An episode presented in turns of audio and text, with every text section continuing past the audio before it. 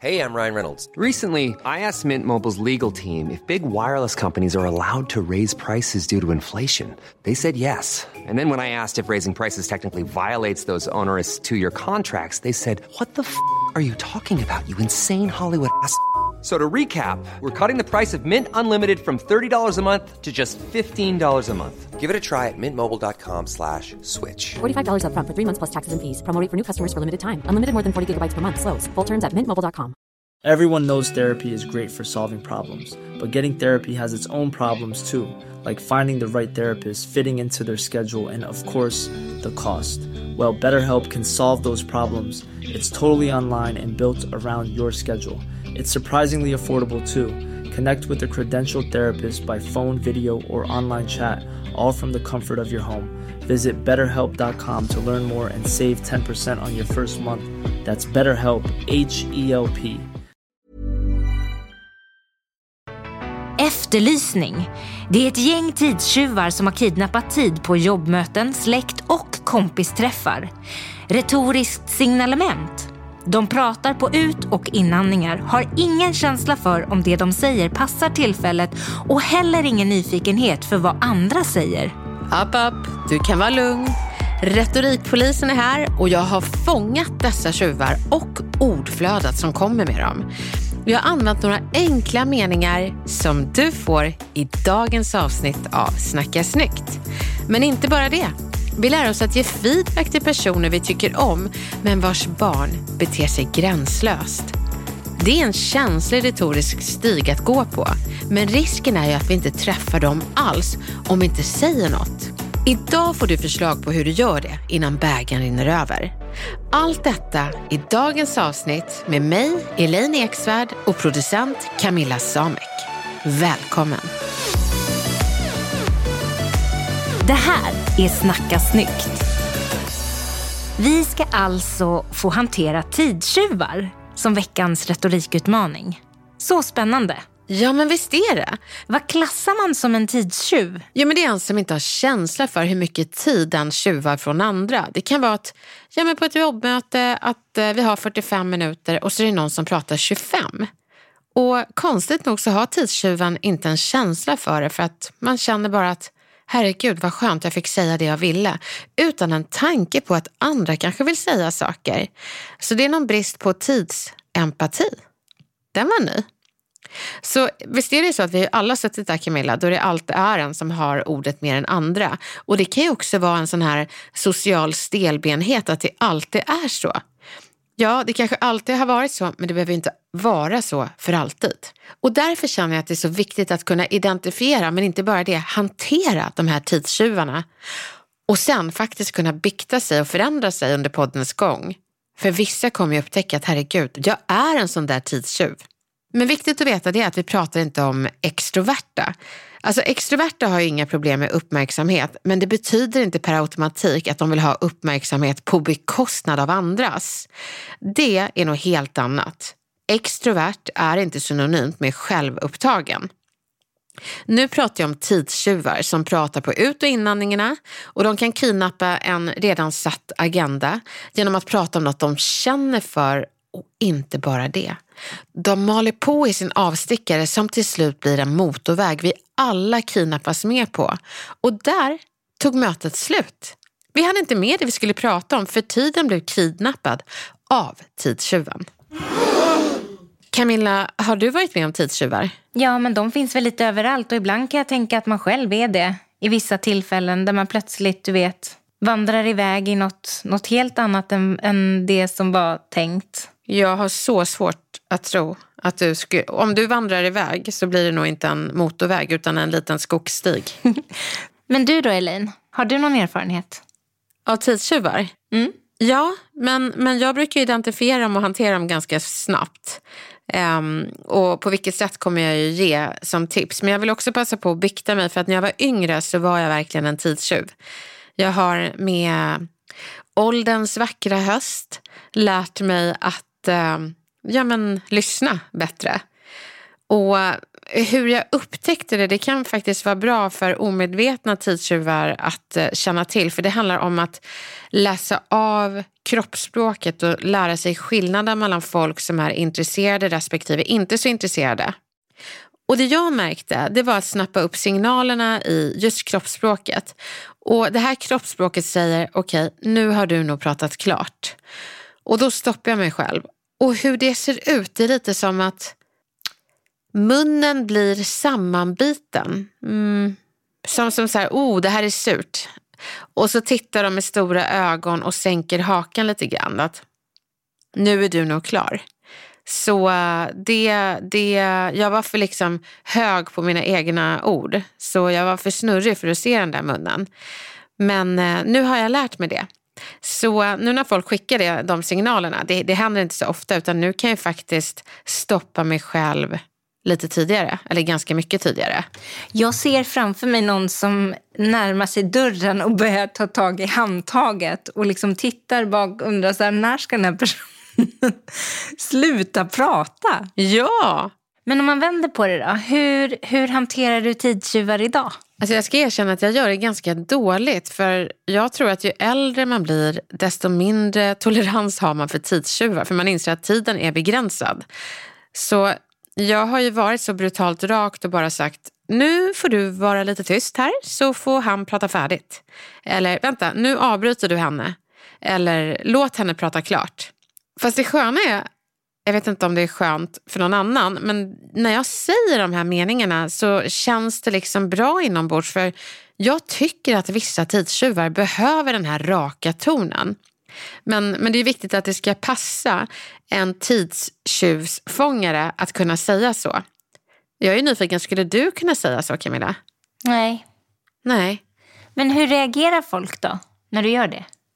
Den som eh, jag eh, inte avbryter, för jag vill inte säga att jag avbryter en person utan jag räddar situationen från en tidstjuv. Så tidstjuven blir ju lite snopen och sur men de andra ler och bara tack.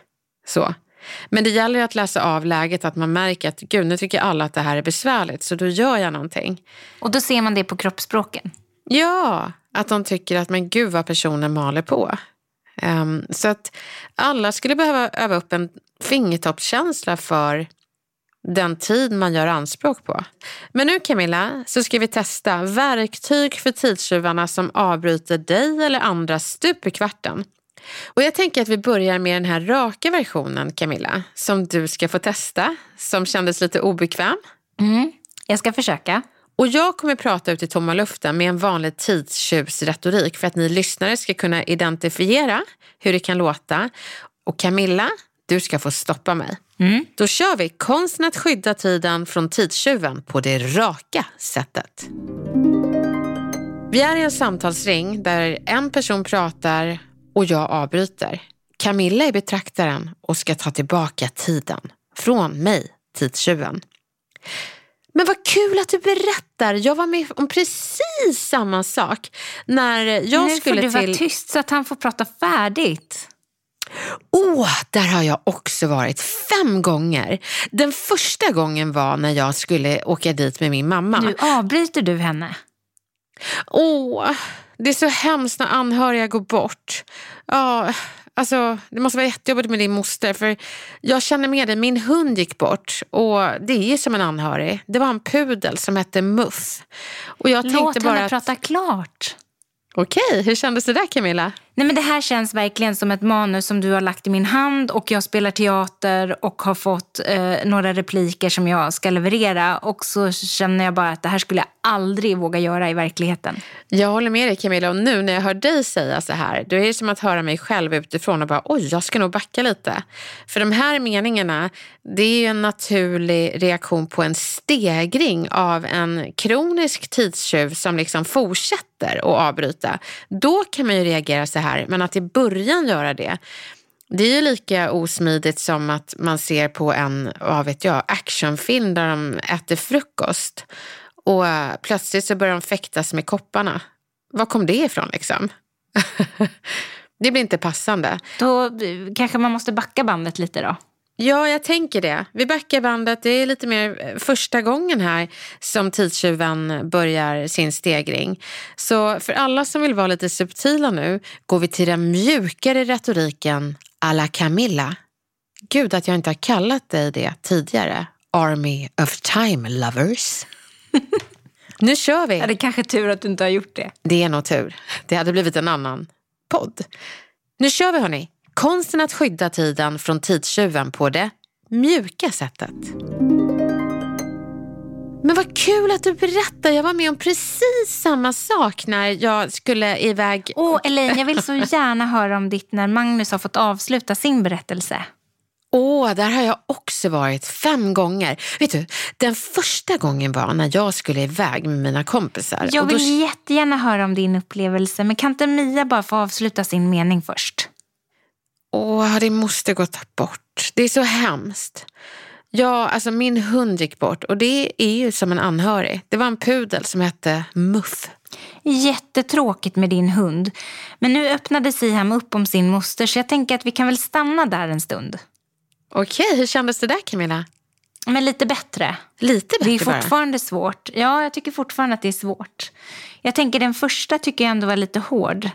Eh, jag vill gärna höra om ditt när Magnus har fått avsluta sin berättelse. Alltså den är fortfarande, jag vet inte, men kan man inte bara säga, åh jag vill jättegärna höra mer, men nu var vi någon annanstans. Ja, Eller nu var vi, nu var vi ju hos Mia. okej, det finns en alla Camilla Supersoft. Var den det? Supersoft. Supersoft. Var den mesig? Nej, nej, det går jättebra. Det beror helt på vem det är som säger det och till vem. Så att jag tänker börja med supersoft, sen så softar du till det. Eller eh, tvärtom. Och sen så kör du raka röret, retoriken. Helt enkelt. Camilla, det finns ytterligare en aspekt att tänka på och det är det retoriskt pedagogiska. Det är ett alternativ man kan använda och det är när man tar personen åt sidan, alltså tidstjuven åt sidan och pratar mellan fyra ögon. Så man låter liksom tidstjuven kidnappa massa tid men man tänker att det här ska inte låta hända i framtiden. Men jag säger ingenting när hen tar tid utan jag tar mig tiden och pratar efteråt för att rädda tiden i framtiden. Och då säger jag så här. Jag tycker du har en massa bra saker att säga och jag tycker verkligen om att lyssna på dig. Du är verkligen den som vill bidra med tankar. Men i bidraget kan det vara bra att dra fram korgen inom situationstecken för de som har samma vilja att bidra men inte är lika snabba som du. Är du med? Bara vänta in ibland och lyssna för jag tror det är många som skulle vilja ge tillbaka allt du ger oss. Den var ju lite komplicerad tycker jag. Jag behöver en kortare version också. Jag tror det. Ja. För grejen är den, i det här komplicerade som, som kanske vissa upplever det, så eh, tror jag att det kan skapa magont för vissa. För man undrar, vad är det du säger egentligen? Vilken korg? Ska jag köpa den på Ikea? Nej, det är en metafor. Men vet du vad jag tror skillnaden är? Jag tror det kanske är lättare att vara rak när man pratar mellan fyra ögon. Och är man eh, i ett möte till exempel där man liksom säger till att nej men vänta nu här, nu vill vi höra när, när Nils pratar. Du avbryter Mia. Då blir det som att man säger till inför en massa andra. Jag tror att det är det som får det att kännas svårt för mig. Ja, det är det som är kruxet. Ja, det är det som är kruxet. För pratar jag med personen sen och säger, men vet du vad, jag vet inte hur du uppfattade mötet, men alltså, jag tror att du skulle känna på att lyssna in lite mer så att du inte kidnappar hela mötet. Nu hann ju ingen annan säga något. Ja, du bara konstaterar. Medan, ja, det är ju ett alternativ. Finns det bara ett möte så hade jag sagt till rakt där. Men jag hade nog inte vågat linda in det på det här sättet jag gjorde nu efteråt på mötet för då hade jag kidnappat tid i en metaforisk eh, feedback-föreläsning. Eh, så eh, absolut efter mötet. Men det som händer när du tar dig på mötet det är att du räddar andras tid. Och det är frågan om man vågar ha det civilkuraget. Men å andra sidan, du räddar ju andras tid också efter mötet eftersom du är mån om deras framtid.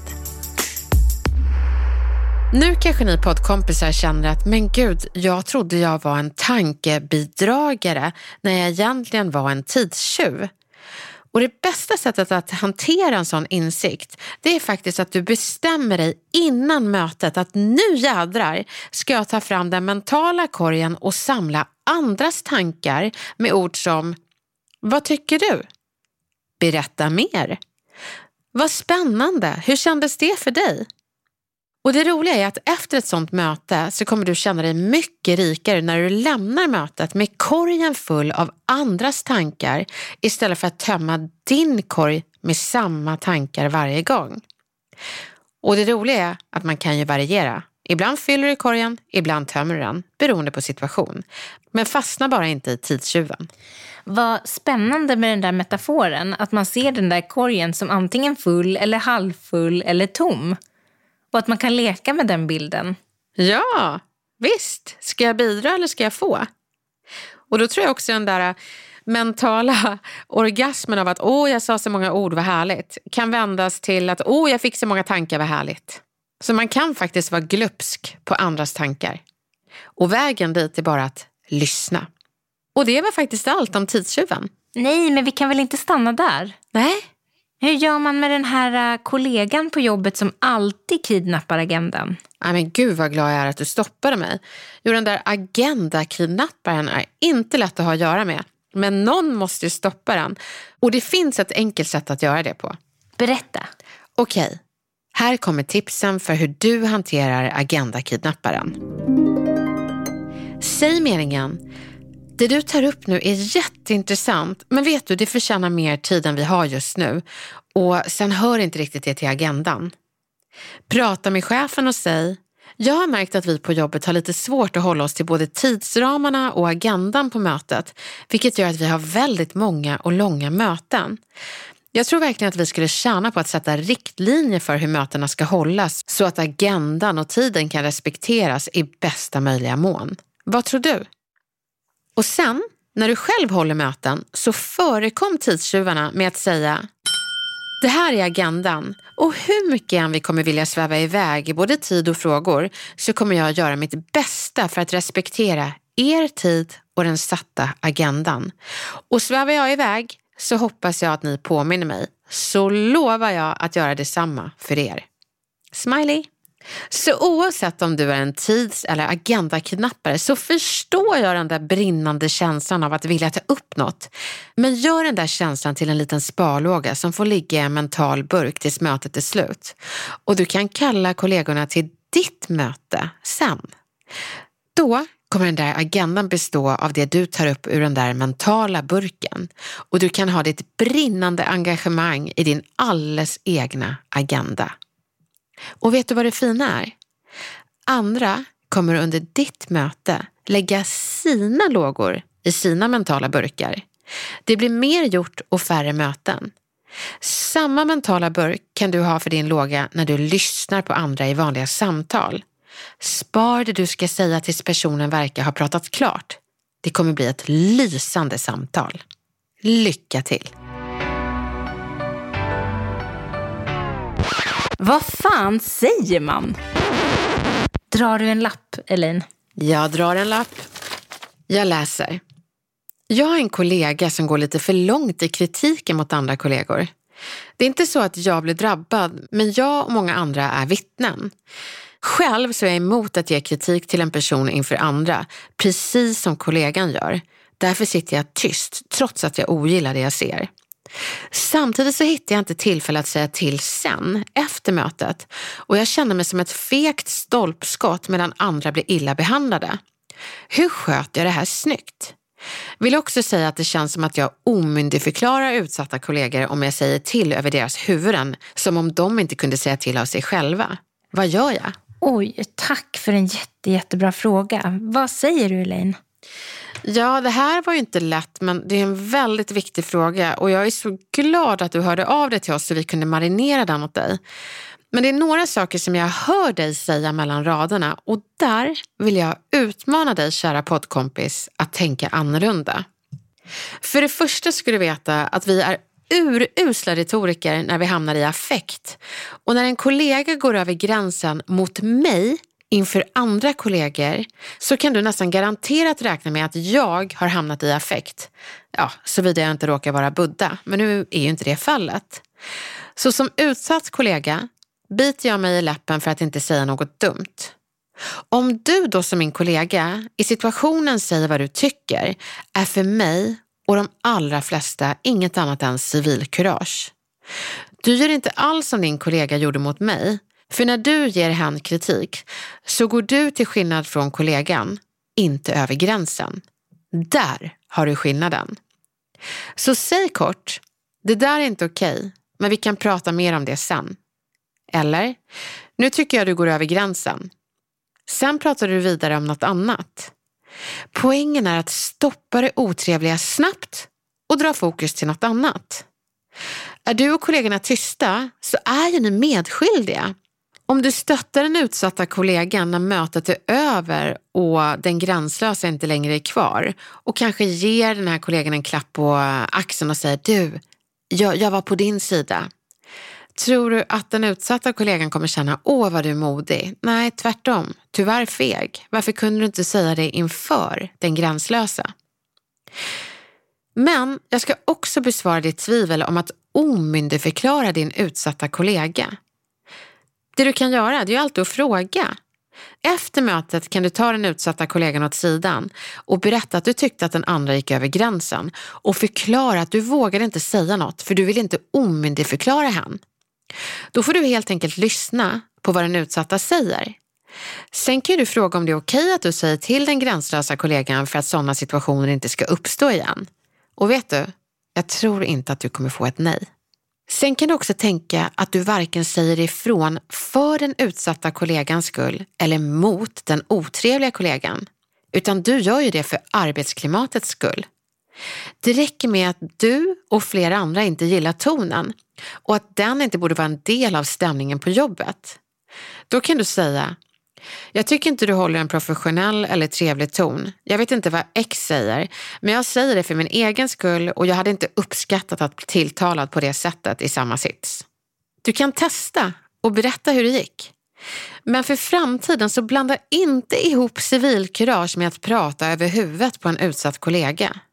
Inte heller att ge kritik mellan fyra ögon med att säga ifrån när något sägs fel inför många ögon. Och att stötta en kollega är att ge stödet när det behövs, inte när tillfället är förbi. Men jag måste säga det, kära poddkompis, att du har kommit riktigt långt. Du vet att det var fel och nu efter det här avsnittet kommer du göra det tio gånger bättre. Du behöver inte vänta på att kollegan ska bli gränslös igen utan du kan ta upp det här flera månader senare. Du kan prata med dem för sig. Och till den gränslösa kollegan säger du, du jag har tänkt på det där mötet i april och jag borde ha sagt det här då men jag gillade inte tonen du hade mot X. Du gick för långt och jag hade inte gillat om du talade så till mig. Jag var ju bara en som bevittnade det och jag gruvar fortfarande över att jag inte sa till. Jag vet inte om X tänker på hur X blev behandlad men för er professionella relation tycker jag att du ska fråga. Och till den utsatta kollegan kan du säga det har gått en tid sedan X i mitt tycke gick för hårt mot dig i det där mötet. Jag skulle faktiskt vilja veta hur det landade i dig. Om personen säger att det inte var en big deal så vet du. Och du kan bara berätta för den gränslösa att den där tonen inte kommer vara okej för dig för att förebygga dålig stämning. Men om personen säger att det faktiskt var över gränsen för henne kan du säga, vet du jag sa inget för jag vill inte omyndigförklara dig. Men med din tillåtelse så säger jag till om det händer igen. Och jag kommer även ta upp vad jag tyckte om det där mötet med vår kollega Gränslös. Nu hoppas jag verkligen att du känner att du har fler alternativ att hantera situationen i framtiden, men också en annan attityd kring civilkurage och kritik inför andra.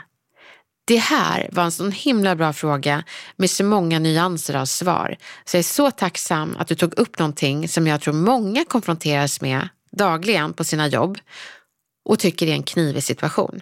Nu hoppas jag att vi har benat ut det. Lycka till!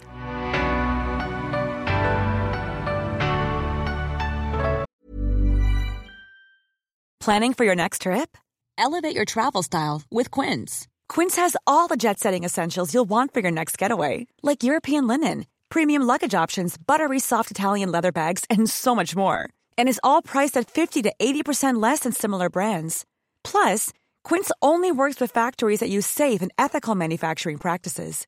Pack your bags with high-quality essentials you'll be wearing for vacations to come with Quince. Go to quince.com slash pack for free shipping and 365-day returns. I'm Sandra, and I'm just the professional your small business was looking for. But you didn't hire me because you didn't use LinkedIn jobs. LinkedIn has professionals you can't find anywhere else, including those who aren't actively looking for a new job but might be open to the perfect role, like me. In a given month, over 70% of LinkedIn users don't visit other leading job sites. So if you're not looking on LinkedIn, you'll miss out on great candidates like Sandra. Start hiring professionals like a professional. Post your free job on linkedin.com/people today. Är du redo för en kommunikationsknut? Det är Camilla. Berätta. Snacka snyggt, ni måste hjälpa mig. Jag har en bror som är en hopplös kombination av två saker som gör våra släktträffar olidliga. Det ena är att han inte sätter några som helst gränser till sina barn. Mina brorsbarn som jag älskar, men herre jävla vad jag avskyr det sätt han låter dem härja utan vidare. Istället för att säga till dem så ger han dem skärmar. Och när de har skärmar så andas vi ut för att det blir lugn och ro samtidigt som det är så himla tragiskt att vi aldrig umgås med dem. Den andra kombon min bror besitter det är att han är av uppfattningen att man inte ska lägga sig i andras relationer. Han drar det så långt att när ett av hans barn kastar en legobit på farfar och farfar säger till men får en till legobit i ansiktet och tittar med stora ögon på brorsan så rycker han på axlarna och säger det är er relation, ni får lösa det. Den där ondskefulla lilla skitungen till brorson som jag egentligen älskar ler lömskt och kastar fler legobitar på en farfar som brusar upp och brorsan rycker på axlarna igen åt barnen som tittar med stora ögon på sin pappa. Det här får man säkert inte säga i Snacka snyggt-podden, men det är en jävla soppa. Vad gör jag och vad säger jag och hur tusan säger jag det snyggt? Jättejobbigt. Så jag känner verkligen med den här poddkompisen. Gud vilken bra fråga. Vad tänker du Camilla? Nej, men jag tycker det är en jättekämpig situation. Jag tycker att hennes storebror måste någonstans ändå förstå att det här blir ju hans uppgift att lösa. Stackars farfar och stackars henne. Nej, alltså jag... Ehm, eh, hon måste ta ett snack med sin bror, känner jag spontant. Ja, och sen så att han abdikerar i ansvaret som förälder för att han har en livsfilosofi att alla får ta ansvar för sina relationer. Ja, absolut om man är vuxen.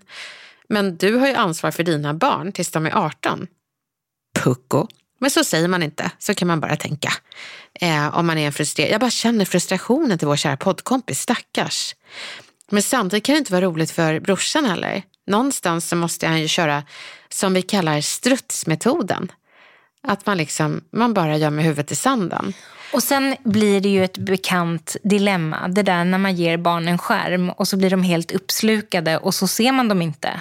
Och att det då skulle vara lösningen till liksom lugn och ro. Ja, jag tänker om man vill ha barn, kan det inte vara fint att umgås med dem? Och inte hypnotisera dem i en släktträff. Så åh, nu ska vi umgås och ska vi hypnotisera barnen med skärmar så att vi får umgås. Men de är väl också med i släkten. Men då får de en skärmträff istället. Men jag kan känna igen mig i det. Att, att det blir lugn och ro om man ger barnen padda. Så är det säkert hos många. Precis, men det är väl när tvn följer med till matbordet och du får sitta med hörlurar och skärm vid matbordet. Jag tror inte att, här, även om man får skärmen som barn då och tycker det är kul, så måste man ju ändå på något undermedvetet eller medvetet plan förstå att jag är oönskad i det här sällskapet. Jo, kanske. Men det, det liksom känns som två frågor i en här. Vi försöker förstå brorsan, men nu, det var ju inte det du ville kära poddkompis, utan du ville ha hjälp. Så nu hoppar vi över till dig syrran. Vilken bra och känslig fråga. Det här är ju ett solklart medberoende till din brors värderingar. Och hör och häpna, en persons värderingar ska inte överskugga andras rätt till sina. Om en sak är okej för din bror, men över gränsen för er andra, så får ni andra berätta om era gränser. Det är liksom okej. Det spelar ingen roll om det är din bror, jultomten eller Moder Teresa. Trampar någon på ens tå så får man säga aj. Man behöver inte bita ihop. Men det är viktigt att det du säger inte kommer utifrån dömande av en förälder, utan ur omtanke och kärlek. Och det kan ju krävas lite mental träning och retorisk övning för att hitta orden ur den här omtankekällan när man byggt upp frustration så pass länge. Så nu tänker jag att jag ska agera dig syrran när brorsonen kastar andra legobiten i ansiktet på farfar och brorsan rycker på axlarna. Då ska du resa dig upp, gå till din bror och säga, får jag fem minuter med dig? Sen går ni iväg och så säger du, barn gör inte som vi säger utan de gör som vi gör. Jag tror att vi båda vet det. Men att du inte gör någonting när ditt barn kastar lego på vår pappa, det är att säga att det är okej. Okay. Nästa gång det händer kommer jag säga till skarpt och då vill jag att du ska veta att jag gör det av kärlek. För med det där beteendet kommer ex inte få några kompisar, jobb eller relationer. Jag säger det här för jag vill umgås med er, men låter vi det här fortsätta så kommer ni hamna i utanförskap, för vi kan inte umgås så här längre. Skärmar är inte lösningen på dåligt beteende. Jag tror att X vet att skärmen kommer om hen beter sig illa. Så du tror att du besparar oss jobbigheter, men egentligen belönar du hens dåliga beteende med en skärm. Lämna skärmen hemma när vi ses och vet du, jag tror att legobitar inte kommer flyga. Säg till och X kommer bli förvånad, men faktiskt börja lyssna på dig. De är barn och du är vuxen. Det här är en ganska lång mening, syrran, men jag måste säga det att det är en sån känslig och laddad fråga så det finns ingen kort version. Det stora jobbet är att säga det ur kärlek och ur omtanke. Och också att man inte dömer föräldern och säger du kan inte uppfostra ditt barn utan att man istället visar att jag önskar en relation med er och därför behöver det här hända för vår gemensamma skull. Och oavsett vad du säger så säg det som vanligt på ditt sätt. Jag hoppas att ni får lugnare släktträffar och att ni kan bygga ihop relationen till något bra och att farfar och barnbarn kan bygga lego ihop. Tack för en känslig och oerhört viktig fråga. Varmt lycka till! Ja, nej, det här var inte lätta grejer. I ett och samma avsnitt fick ni mycket att smälta men också värna om. Både er tid från tidstjuvar, arbetsklimatet från gränslösa kollegor och släktträffar från passiva föräldrar och deras gränslösa barn. Nu har ni verktyg att värna om allt det här i framtiden. Skicka avsnittet till vänner, familj och kollegor som ni tror skulle ha glädje av det. Ett stort lycka till tills vi hörs nästa gång. Men när blir nästa gång då? Ja, men det är en jättebra fråga Camilla. När blir det och hur blir det? Men så här är det, vi kommer att ta en paus och snickra på någonting som kommer att bli ännu snyggare. Ja, vi kommer lansera podden Snacka snyggare. Så för att göra en ännu mer matig podd som bara är din retorikkompis i vardagen så eh, förtjänar det tid och kärlek. Och det är det vi ska göra nu Camilla. Och snickra ihop det och eh, ja, verkligen ge dig en allra bästa vän i lurarna när det kommer till kommunikationsutmaningar. Men tills dess så ska ni veta att det finns en fantastisk plats man kan gå till. Det är, tror jag, Sveriges och kanske till och med Nordens största ljudliga retorikbibliotek. Där du bara kan komma med din utmaning och så kan jag lova dig, i något av avsnitten så kommer du hitta lösningen. Hur många avsnitt har vi? Jag vet faktiskt inte, jag har inte räknat, men jag vet att det är hur många som helst. Jag kan faktiskt till och med berätta, inte exakt, men ungefär hur många det är. 188 avsnitt. Wow. Så jag tänker att om du har en, två eller kanske fem kommunikationsutmaningar så är jag ganska säker på att något av de här 188 avsnitten kommer ge dig lösningen. Och finns de inte där så kommer de finnas i framtiden när vi lanserar din bästa retorikkompis i öronen. Snacka snyggare. Som jag längtar tills dess. Jag med. Ta hand om er så länge så hörs vi inom en snar framtid. Kram. Stor kram.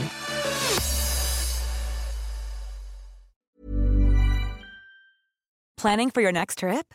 Elevate your travel style with Quince. Quince has all the jet setting essentials you'll want for your next getaway, like European linen, premium luggage options, buttery soft Italian leather bags, and so much more. And is all priced at 50 to 80% less than similar brands.